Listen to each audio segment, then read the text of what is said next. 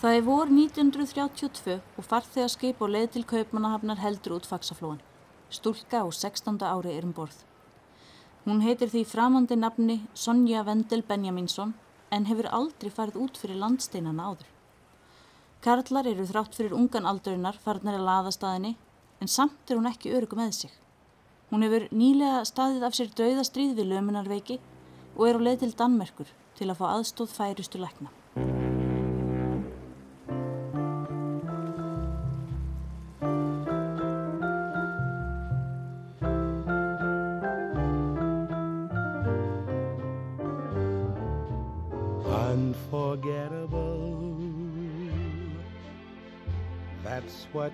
Are. Unforgettable, though near or far. Like a song of love that clings to me, how the thought of you does things to me Never before has someone been more unforgettable in every way. Í fyrsta þætti sögðum við ykkur frá æsku Sonju Vendel Benjaminsson de Sorilla sem síðar átti eftir að verða mikil auðkona í New York. Hún skildi eftir sig styrtarsjóð fyrir íslensk og bandarísk börn en fá verðast hafa notið góðs af. Hvar eru peningarnir? Við viljum skoða þá spurningu nánar en fyrst höldum við áfram ferðalagi okkur um æfi Sonju þar sem frá var horfið í fyrsta þætti. Sonja er á leið til Kaupmannahafnar.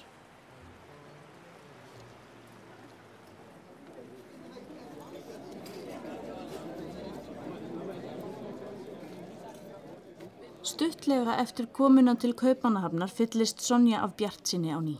Endurhæfingin eftir lömunaveikina gekk vel.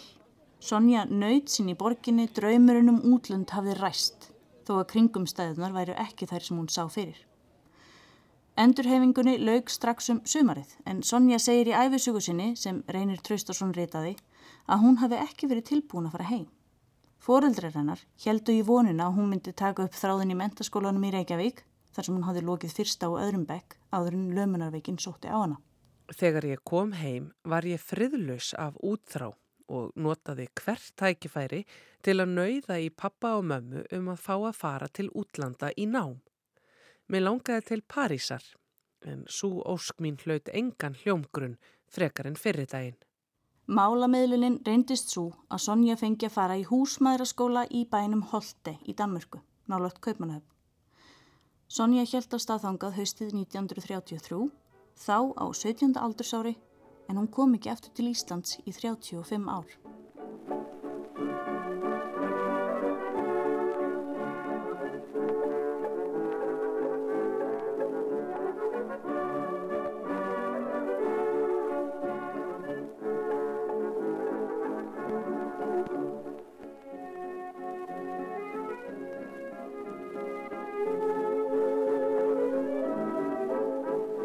Kom til København, den har dig i sin favn. Du glemmer sorg og savn i København.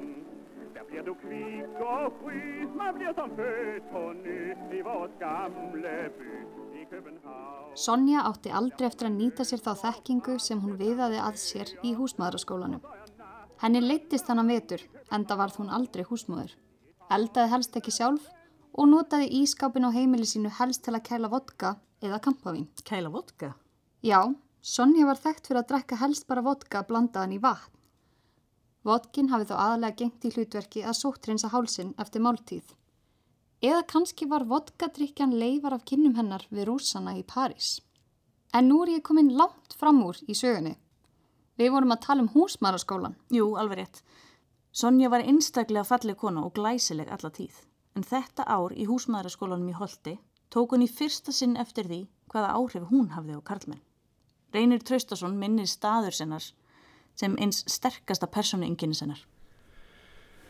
Ég, það er náttúrulega, hún náttúrulega var daðverar í dauðan sko, hún gæti alveg daðverað út í eitt og þú bara férst á tilfinningu að þú væri afskaplega merkilegu pappir þegar hún var að, var að svona, já, hún, það, það stundi kallað að flössa, hún kunni það alveg, þá list og hafði greinilega sko æft sig í gegnum árin. Þegar námsveiturinnum laug fekk Sonja það í gegn að snúa ekki heim og þessi stað hjælt hún til Noregs í sumardvöl til frængu sinnar Esterar Vendel. Þar lagði hún á ráðin um framtíðina og enn var París fyrir heitna borgin. Við getum eiginlega farið hratt yfir sögu núna. Sonja fór til Kaupmannahafnar í kunsthandverkskólinn, myndlistarskólan, en skólinn átti ekki við hana og nokkrum vikum eftir komin í skólan ákvað Sonja að fara til Vísbatin í Þískalandi. Kanski var þetta allt hlut af því sem hún hafi planað í Nóri. Bara eitt stopp á leginni til Parísar. Mögulega.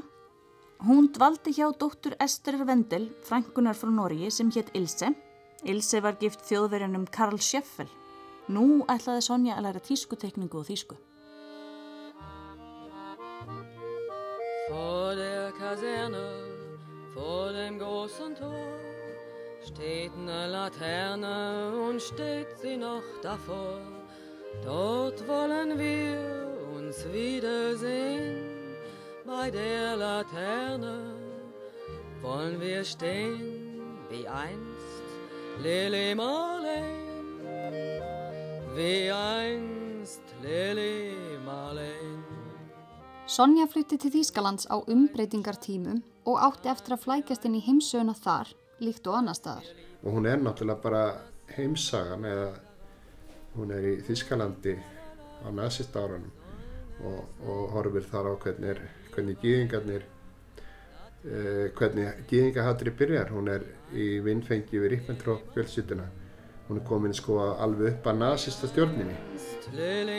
Marleen, deine Schritte kennt sie, deinen schönen Gang. Alle Abend brennt sie, doch mich vergaß sie lang. Und sollte mir ein Leid geschehen, wer wird bei der Laterne stehen? Mit dir, Lili Marleen. Árið var 1934 og Sonja var orðin 18 ára. Hún var að mestu laus undan fóröldurum sínum en þó í umsjá ættingja sína. Loksins fannst henni gaman í útlöndum. Á heimili Sjeffelhjónana var lögð mikil áhersla á ríkt menningarlíf. Þau tóku Sonju með sér á listasýningar, leiksýningar og tónleika.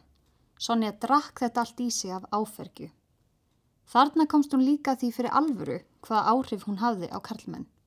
Hún laumaðist á spilavíti með eldri fjölskylduvinni Ilse og Karls og komst í snertingu við forbúði líf fína fólksins. En það var ekki allt fagurt í Þískalandi á þessum tíma, eins og við vitum nú all. Gýðingahatur fóru vaksandi og Sonja upplifiði áhrif þess á eigin skinni þegar komað skráningu í skólan. Benjaminsson þótti of gýðinglegt nafn. Ég þverrtók fyrir að breyta nafni mínu fyrir einhverja bölvaða nasista og áfram hétt ég því Benjaminsson. En skólastjórin let sér ekki segjast og ég var skrifið í bækur skólans sem Sonja Vendel. Ég notaði þó Benjamins nafnið undir öllum öðrum kringumstæðum og taldi ólíklegt að nasistar gerðu mér nokkuð til miska.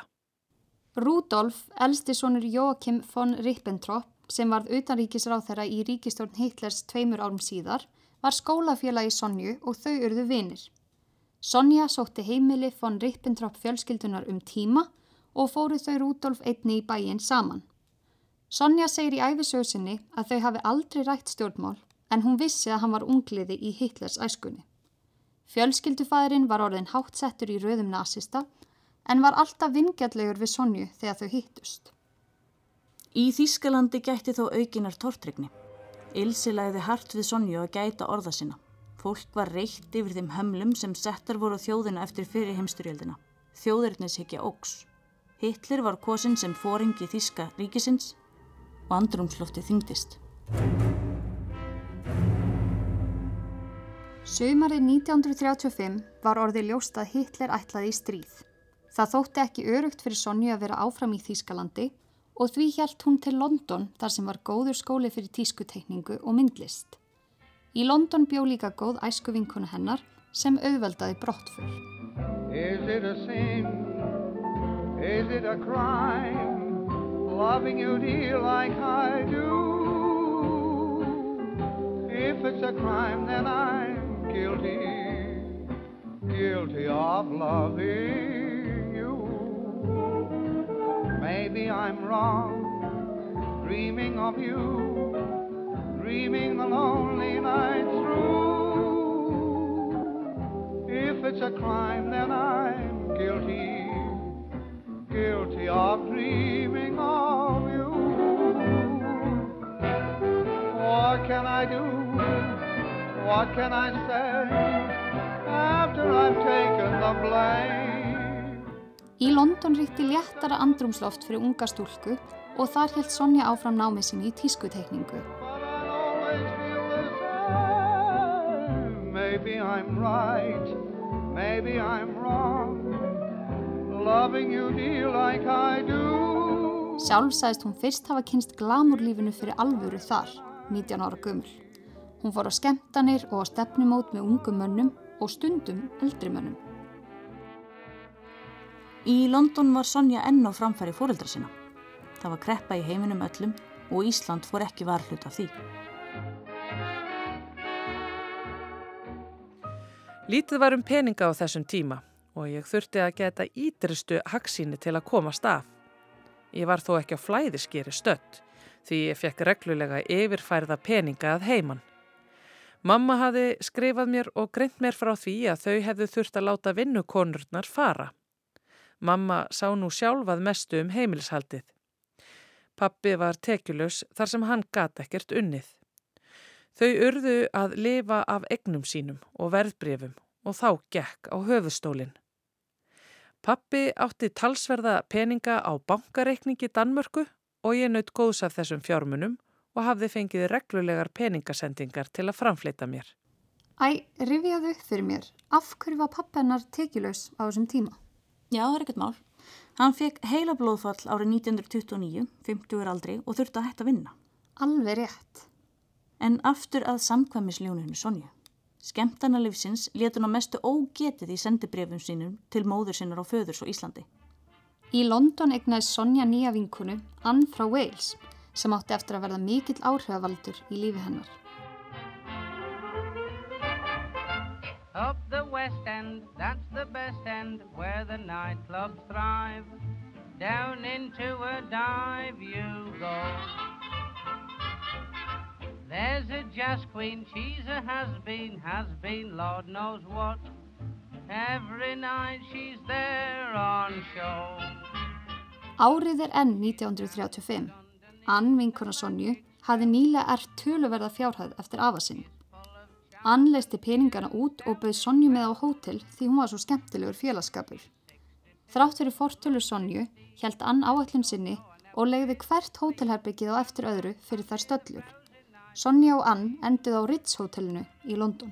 Og bara til að setja þetta í samhengi fyrir hlustendur, þá var Ritz staðurinn þar sem fína og fræga fólki gisti þegar heimsótt í London. Eitt dýrasta hótelið í London. Ann vildi eigða öllum arfinum sem fyrst og halda svo aftur til fyrralífs.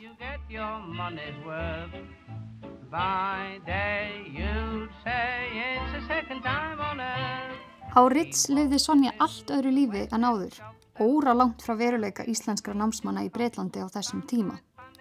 Þegar þær vinkonurnar ákveða skreppa til Parísar í helgarferð að hitta rúsneska kunningja, kom auðvitað ekki annað til greina en að gista einni á Ritz þar og Ann hafði ekki einu sinni fyrir því að sleppa herbergjónum í London á meðan. Á þessum tíma kynntist ég skemmtilegum hjónum í London. Þau stunduðu kappakstur og seldu auk þess bifreiðar af dýrari gerðinni. Þau áttu mikil viðskipti við ríka Amerikana og kunningsskapur okkar þróaðist smám saman þannig að þau buðu mér út að borða á samt viðskiptavinnum. Ég þótti að hafa útlitið með mér og hjónunum þótti nærvera mín liðka fyrir viðskiptunum. Oft voru þarna einmanna menn á ferð en að sjálfsögðu var ekki um annað samband að ræða en kvöldverð á veitingahúsi. Það má lesa millir línana að hún hefði verið eins konar fyldar kona hjá þessum hjónum. Já, það hljómar þannig. Og Sonja ávarpar aldrei þennan orðrúm í æfisögunni. En orðrúmur er þetta og þrálátur. Heyrum við meira um þennan orðrum setna? Já, aðeins setna. Ég er mjög forvitin. En hvernig fór þetta hjá Sonju og Anna og Ritz? Ævintýri fekk snöggan endi þegar Sonja var tekin til yfirherslu af breska útlendingaeftirleitinu og spurði út í kynneið sína. Þegar Sonja tók á tal við annum ástæðinu fyrir yfirherslunu kom upp úr krafsinu að Ann var sjálf lesbija. Fóreldrar Ann töldu að Sonja værið að stjórnenni og stæði á bak við dvölinu á Ritshótelinu. Það er heldur fljótlega í sitt hvora áttina eftir mjög viðbröðrikt ár.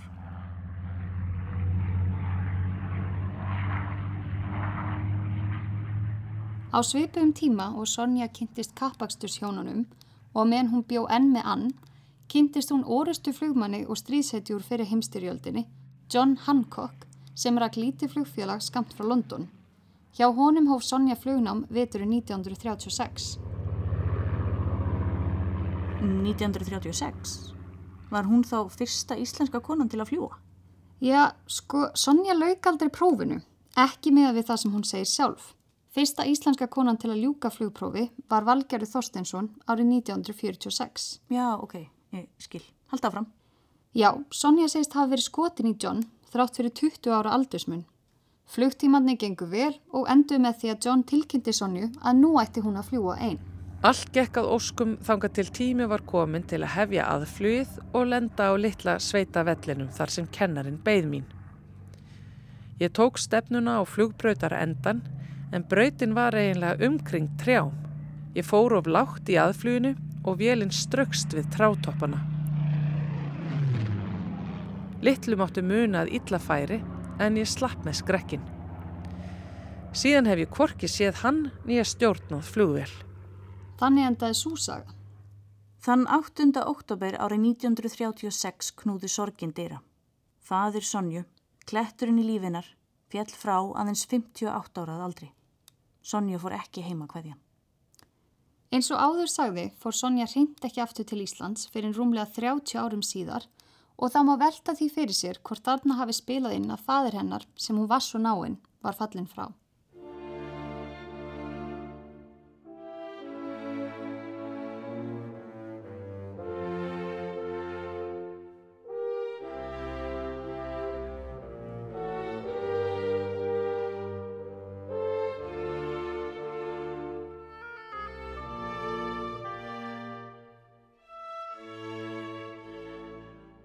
Eftir að leiðir Ann og Sonju skildu tók Sonja loksins stefnuna á París. Ég var búin að fá nóað dölinni í London og vildi komast burt. Gömul þrá eftir að búa í París og kynnast borginni tók sig upp. Ég skráði mig því í listaskóla í París. Sous le ciel de Paris s'envole une chanson. D'eau. Sonja hafi kynst lífi hinnar ríku. Með þá reynslu en lítil efni hjælt hún til Parísar síðsumars árið 1937 á 21. aldursári. Leur bonheur se construit sur un air fait pour eux. Rúsneskur aðalsmaður sem Sonja hafi kynst í London tók að móti henni við komuna og var Sonja mikið í kringum rúsneska aðalinn í París sem var á landflóta þar í kjölfar byltingarinnar. Ah, nú skil ég hvað að meina með vodka og rússana í París. Nákvæmlega. Í æfisögunni segist hún hafa átt í ástarsambandi við eitt rúsnesku prinsana, Alexis Midavni. Hann hafi verið giftur Barbaru Hutton, einni ríkustu konu heims, sem Sonja kynntist líka. Parfois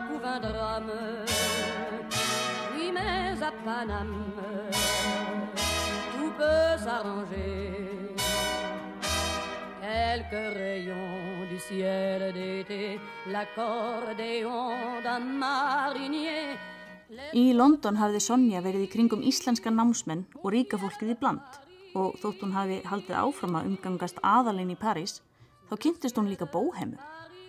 Hún namn tískutekningu og myndlist og áttu því samleið með þeim hópi. Hún hræðist í hringuðu þeirra sem lifðu af listinni, aukurúsana, og langaði til að gera slíktið sama. Hún bjóð sér til tækifæri með því að skrifa tísku umfjallanir í morgunblæðið.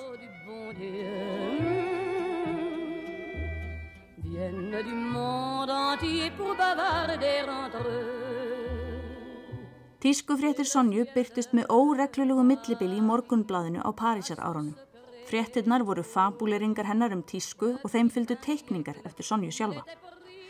Svona líst hún klæðnaði fólks á Maxim veitingastanum í París árið 1937. Aðal tískuflíkin, lausjakki og treyja. Klæðinaður kvenn fólksins var með skrautlegasta móti og skartaði það í mótelkjólum frá stærstu tískuhúsunum. Þar gata líta kvöldkjóla, síðdeðisklæðinaði og kjóla, koktelkjóla, allt hvað innan um annað. En eitt var nær öllum samiðilegt, jakkarnir. Kjóll án jakka, hvort heldur sem er dagkjóll eða kvöldkjóll, þykir hér jafn óhugsandi og París án Eiffeltursins. Pour se faire pardonner, il offre un arc-en-ciel.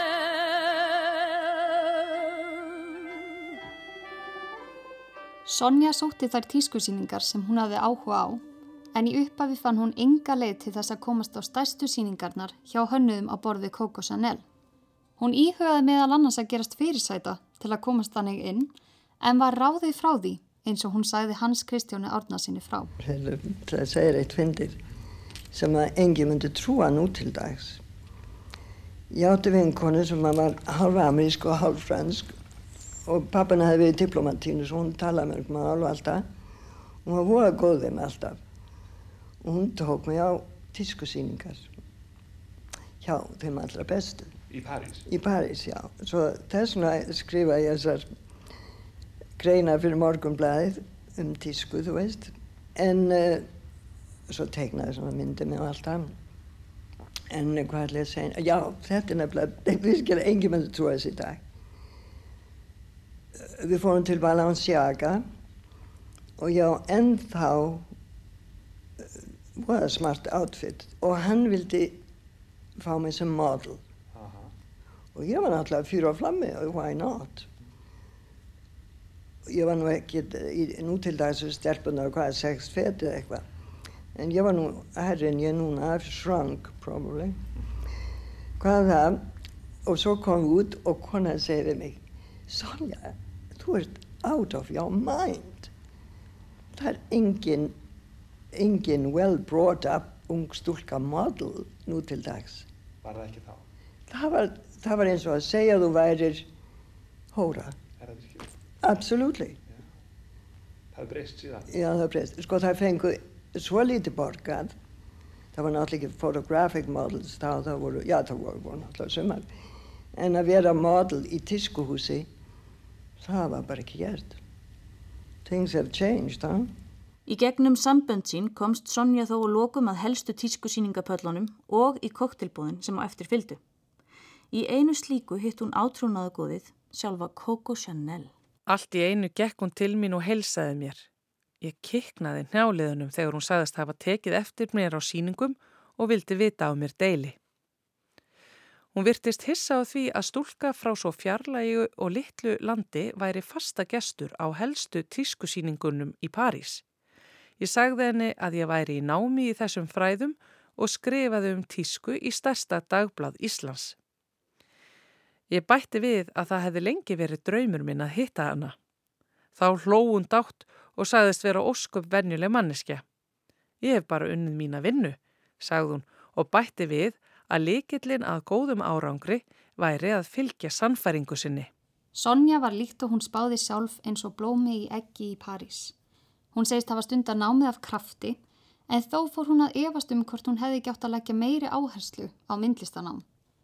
Hún átti enda eftir að leggja myndlistana fyrir sig af miklum krafti í New York en meira um það síðar. Hún naut lífsins og sótti samkvæmislífið. Hún kynntist frægu fólki á borðið Rose Kennedy, móður John F. Kennedy sem síðar varð fórseti bandarækjana og heitti meðal annars Aristotle Sókrates Onassis, gríska skipakongin einu sinni, en leiðir þeirra lágu aftur saman síðar í New York.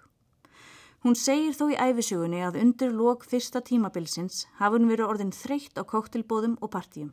Hún vildi kynast tískunni frá öllum hliðum, svo hún gæti hasla sér vel þar. Þann 1. september 1939 braust setni heimstyrjöldin út. Sonja þurfti að flýja stríðslogandi Evrópu. Poland, September 1939. The German foe begins its ruthless march of conquest. and sets the stage for World War II. En svo skeið það því miður að þegar þjóðvenni komu inn í þannig að fór til Skandinavíu þá gæti ekki fengið meiri peninga. Já, Svo þá þurfti ég að fara til Íslands. En hvernig? England var lokað. Móðir hennar vildi að hún kemi heim en hugurinn leitaði vestur um haf. Danmörk og Norður voru eins og þú veist.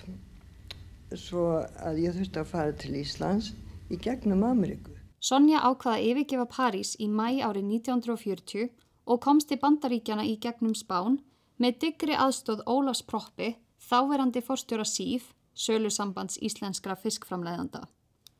Hún sildi af stað hausti 1940 með skipunu Magallanes. Sonja var ekki lengi að kynast farþögum um borð og kynntist þar meðal annars skáldinu Somerset Moham sem var ofinberlega stíhin út úr skápnum sem hommi. Við skulum muna þetta nafn fyrir næstu þætti, það gæti skoti kollunum upp aftur. Þegar skipið kom að höfn í New York var hún komin heim. Yeah, I took one look at New York og sagði þetta fyrir mig. Og það var nú ekki aldrei þess að ég ætlaði að vera til Íslands. Og það er ekki, fekk ég skeiti frá mömmu og hún sagði reynda að vera þannig því að kapátastriði hafði byrjað. Hvað var það sem greipið svona við New York? My Það svona- dear, the electricity, það, það er alveg special bær eins og þú veist. Fyrstu árin í New York voru svo spennandi. Sonja átti í ástriðu fullum samböndum, lærði að fjárfesta á Wall Street og lagði grunninn að auð sínum, en meira af því síðar. Við gerum hlið á sögunni til að hoppa langt fram í tíman.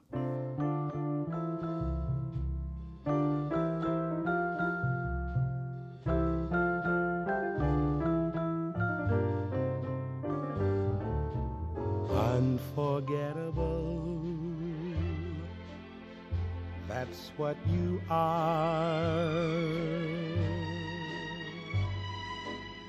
Unforgettable, though near or far.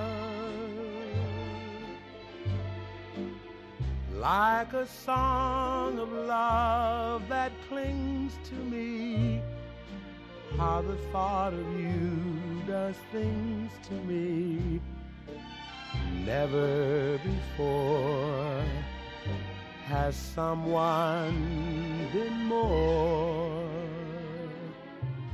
unforgettable in every way and forevermore that's how you'll stay. That's why, darling, it's incredible that someone so unforgettable thinks that I am. Eins og við sagðum ykkur í fyrsta þætti var það ósk Sonju að við andlát hennar yrði stopnaði sjóður til að styrkja börn til náms og hilsu á Íslandi og í Bandaríkjunum. Sjóðurinn var stopnaður í Connecticut fylki í Bandaríkjunum og voru sjóðstjórnir tveir, bandarískur lögfræðingur John Ferguson og frændi Sonju Guðmundur Birgisson frá Núbum, nautgripabóndi. Sonja lést árið 2002 og sjóðurinn var stopnaði stuttu síðar. Það leiði ekki að löngu þar til bladamenn tóku að rannsaka sjóðin því lítið bara útlutunum úr honum á Íslandi. Trausti Hafstinsson, bladamaður, hefur reynd að finna út hvað varð af fjármunum sjóðsins allt frá árunni 2005 en ekki náðins langt og hann vildi. Í raun og veru er hindruninn alltaf bara þessi tveir sömu menn. Þessir sjóðstjórar, Sonju Foundation, sem, að, hérna, sem er annars vegar uh, fjarskildur frendi Sonju og svo bandarískur lögmaður hennar sem fenguð það hlutverk að halda utanum þessa peninga uh, eftir fráfall hérna, þessara merku konu og uh, peningarnir voru augljóslega á þeirra hendi reyndar upphaflega sko fyrstu greinar mínar í, í þessum málaflokki fjölluð um tilfæslur uh, nautgripabóndans þar að segja þessa fjár, fjárskilda frenda þar sem hann var að færa undan eignir uh, meðal annars í hruninu fræga uh, og fjallaði meðal annars um eignir Sonju sem að voru færðar inn í sjóð en svo aftur yfir á Guðmund. Um, þannig að hindranindar virðast aðalega bara vera þessir tveir menn sem að þrátt fyrir ítrekkaðar tilrönnir mínar bæði hér áður fyrr og svo núna tiltrúlega nýlega hef ég átt samtal við, samtal við á og það er bara, þar kemur maður bara lokuðum dyrum, það er alltaf sömu svörinn, þetta er, er enga sjóður, ykkur kemur þetta bara ekkert við, við veitum engar upplýsingar um hvað hefur verið gert við peningasjóðsins og hvert hafa þeir runnið eða hvar eru þeir í dag. Ljóst er að ef sannlega var farið að óskum Sonju eftir andlát hennar og eignir hennar settar í sjóð, þá voru þetta umtalsverðir peningar. Í bókinni Ríkir Íslandingar áætlaði Sigurður Már Jónsson að umræti tæpa 10 miljardar króna. Í dag myndi svo upphað samsvara 24 miljardum króna. En hvernig stendur á því að Íslensk yfirvöld hafi ekki getað rannsakað sjóðin? Það er góð spurning. Almennt þurfa styrtasjóður á Íslandi að starfa eftir ákveðnum reglum og sína fram á að peningar sé að renna í rétt málefni. Við leitum til lögmanns, Vétísar Efi Guðmundsdóttur, til að útskýra þetta fyrir okkur. Svona sjóðir um, þurfa að vera með einhvers konar samþektir eða skipulagsgrá þar sem þeir reyninni lista upp hverjir seti stjórn og hvaðan fjöð úr sjónum er, er runnið og í hvað skal nota uh, fjöð úr sjónum í, í hverjir eiga hljótana styrk. Um, og það sem að hérna, þarf að gera er að, að þessi skrá þarf að liggja fyrir á síslumanni Þannig að síslumadur hefur þá í rauninni eins konar aðkomu eða þú veist staðfestir skrána og hún sé samkvæmleganum og svo er jafnframt sko eh, ákveð eftirlit ríkisandarskoðan uh, það er eftirlit með, með reikningsskilum og þessi sjóðir þurfa að skila einhvers konar skýslu árlega uh, og ef að það verður misbrestur því þá er hægt að kalla eftir gögnum og, og og meira þess að hægt að fela lögreglunni að koma að einhvers konar rannsó. En hvers vegna hefur þá lögreglan ekki rannsakað þennan sjóð? Það er nefnilega það. Hann er ekki skráður á Íslandi og því gilda ekki þessa reglur um hann. Leifum veti sig að útskýra þetta betur. Já, þá lítir hann uh, bandarískum lögum, ekki íslenskum. Þetta er bara eðli málsins, uh, löggefi mismöndum millir landa. Við höfum mismundu lögsu til þess að, að hérna, bregðast við og hafa eftirlit með lögum. Þannig að í þessu tilvík geti, geti lögurglun á Íslandi eða síslumæðurinn á höfuborgarsvæðinu eða Norrlandi eistra ekki, gripið inn í, inn í einhver aðtögun á því hvernig fjárriður þessar sjóð sem skráður er í Connecticut í bandaríkjum þannig að það er auðvitað alfæri lögsaga bandarinska yfirvalda og þá eftir bandarinska lögjöf hvaða aðgerð eru heimilar hvað eftirlit er heimilt. Þannig að hérna, já. Og þar sumi leiðis er hérna, eins og ég kom inn á e, öðruvísi skatt, skattareglur sem gildum þessa sjóði. Þannig að það geti verið að sem minna gegsa í þarlandis Vitu við þá ekkert um útlutanur úr sjóðunum á Íslandi? Já, það var fjallað um þetta mál í kompástætti árið 2007.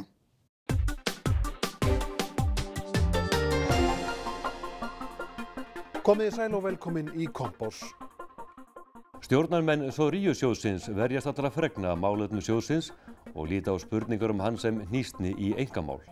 Þetta er afstæða sem margir vinir og vandamenn hennar eru algjörlega ósámála og krefja svara. Í þættinum var fjallað um málefni sjóðsins og þar sagði Guðmundur, frændin og annar sjóðstjórana mannstu, að útlutanir úr sjóðnum til góðgera samtaka hefði heildina verið millir 100 og 200 bæð á Íslandi og Erlendis og þaraf á Íslandi væru þær á milli 10 og 20 talsins. Búið væri að útluta á annari miljón dólar úr sjóðnum eða nála 200 miljónum króna á þeim tíma. Blaðmennum hefur þó ekki tekist að sannreina þetta. Vitað er að tvær útlutanir til Háskóla Íslands sem fjalla varum í kompostættinum numu hvorum sig samtal 6 miljónum króna og einn til hjálpastarskirkjunar namn 3,2 miljónum króna árið 2010. Hér er trösti aftur. Það er ekki mikið og, og hérna, já, einmitt, ég man eftir þessum þremur útdeilingum sem að, sem að maður finnur eitthvað um. Eh, síðan finnum maður líka frásaglunar fólki sem að segist hafa átt að fá okkur á sjóðunum en aldrei hafi nokkuð tíman borist auður eh, frá sjónum þrátt fyrir einhver, einhver lofurðum. Trausti svifti hulunni af útlutun til landakotskóla þar sem börn guðmyndar frá núpum voru nefendur. Og í raun og veri eina svona einu fjármunirnir hér á landi sem að ég hef fundið að hafi runnið úr þessum sjóði til einhvers málefnis tengt börnum var til landakotskóla á sín tíma. Já, veistu hvaða ár það var? Nei, mér minnir að þetta hafi verið um 2006. Mér minnir að ég hafi verið að fjalla um þetta þá uh, og hafi skrifað um eitt frétt um það þá að uh, landakotskóli hafi fengið styrk, myndarlegan styrk, uh, margra miljóna styrk á þeim tíma úr þessum sjóði og það vakti aðtegli þá, aðtegli mína að gjaldkeri fóraldrafélags landakotskóla var áður nefnd sambíliskona Guðmundur og Núpum. Fréttin sem trausti vísar í byrtist í DFF 2. desember árið 2009 og þar segir meðal annars. Minningarsjóður auðkonunar Sonju Sorilla, Sonja Foundation, veitti nokkura miljónakróna styrk til landakotskóla. Styrkurinn gildir fyrir ákveði tímabil og enn á loka greiðsla eftir að berast frá sjóðunum. Þegar styrkurinn var veittur var sambíliskona annars sjóðstjórans starfandi gjaldkeri fóraldarfélagsskólans og börn hans sóttu það nám. Í fréttinni er vittnað í þáverandi skólastjóra landakottsskóla, Sigriði Hjalmarsdóttur, sem staðfestir styrkveitinguna og segir að skólinn hafi sótt um styrkin. Í nóvember árið 2009 fengust aftur á mótu þau svör frá John Ferguson að engum peningum væri hægt að útdeila til umrætrar loka greiðslu þar sem sjóðurinn væri yfirskuldbundin þetta ár og næsta. Í lok fréttarinnar segir. Það vekur aðtekli að unnur Jóhannsdóttir, sambíliskona Guðmundar, gengdi ennbætti gjaldkera foreldrafélags landakótt skóla þegar styrkurinn úr minningar sjóðnum var veittur. Á sama tíma sóttu börn þeirra nám við skólan og því veitti Sonja Foundation myndalegan styrk til skólans sem börn annars sjóðstjórans ganga í. Við höfum samband við hjálpastar kirkjunar til að fá frekari upplýsingar um styrkin sem þeim barst í mæ 2010. Því miður var ekki hægt að fá upplýsingar um hvort stopnunin hefði sótt um styrkin formlega eða fengið hann að frumkvæði sjóðsins. Stopnunin staðfesti þó að hún hafi ekki hloti styrk aftur úr sjóðnum. Nokkur góðgerðafélög og samtök á Íslandi, þeirra á meðal umhyggja félag langveikra barna og Torvaldsens félagið fengu vilirði fyrir fjö úr sjóðnum en gáfust upp á skriffinskunni í kringum það. Samkvæmt upplýsingum frá Rögnu K. Marinósdóttur, verkefnastjóru umhyggju, hefur umhyggja aldrei fengið útlutað úr þessum sjóð. Einu svörun sem komi voru á þá leið að fylla þyrti út ákveðin skjöl og eigðublöð fyrir skatta yfirvöld í bandaríkjunum. Það var gert og lungu síðar kom aftur sama óskinn frá skattinum og þá ákvað stjórn félagsins að hætta við málið. Ragnar veit ekki til þess að önnur stuðningsfélög en hjálparstarf kirkjunar hafi fengið útlutað úr sjóðnum hér á Íslandi. Hún átti mörg símtöl við formann Torvaldsens félagsins á þessum tíma. Það félag fór jafn langt og umhyggja hvað var það skatta yfirveldi bandaríkjunum. Henni er ekki kunnugt um að félagið hafi fengið útlutað úr sjöðunum. Kristín Rut Fjólmunds, formaður Torvaldsens félagsins, sagði í skriflegu svari við fyrirspurn okkar að félagið hafi verið kvart til að sækja um styrki sjóðin á sínum tíma af hálfu reynist tröstasonar. En hana rekur þó ekki minni til að formleg umsón hafi nokkuð tíma verið sendt. Aðgangur að sjóðnum hafi ekki verið greiður. Kristín Rudd fann engin gögnum sjóðin þegar beðin okkar um upplýsingar kom. Það hafa sárar fái styrkir verið greitur úr sjóðnum til íslenskra félaga. Já, eftir því sem við best vitum. Og við fáum litlar upplýsingar um erlenda styrki þar sem sjóðstjórar hafa ekki veitt upplýsingar um sjóðin í mörg ár. Samt er engin leið fyrir okkur að vita hvort sjóðurinn hafi greitt meira út til íslenskra félaga þar sem styrkurinn hefur þá ekki spurst út nema auðvitað félugin láta okkur vita eftir þennan þátt.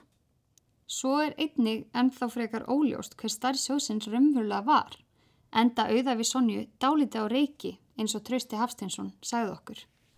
E, það sem hefur auðvitað verið á reiki dálitið er um, hver voru raunveruleg auða yfir Sonju. Af því að fyrir því eru svo sem kannski engar haldbærar eh, heimildir. Jú það, voru, það var áætluð auða við hennar eh, sem að hérna, skrifa var um. Þá var talað um hún ætti einhver að tæpa. Það, ef ég mann rétt um aldamótin síðustu hafi hún átt uh, því sem nefnur tæpum 10 miljardum uh, íslenskar króna sem að voru þó uh, talsverði peningar á, á þessum tíma. Þannig við vorum svona að reyna að finna út það sem við vissum allavega um eignirinnar hér á landi. Við þurfum að fara að ljúka þessu núna, en við myndum kafa dýbra í auða við Sonju í næsta þætti. Já, í næsta þætti ætlum við að dvelja í New York og heyra líka allt um ástur og örlög Sonju í Stórborginni. Við heyrum af John Loeb fjárfesti eða Luppa eins og Sonja kallaðan, skipakonginum Onassis og olimpíustjörninni Herra Sorilla sjálfu. Þanga til næst, takk fyrir okkur.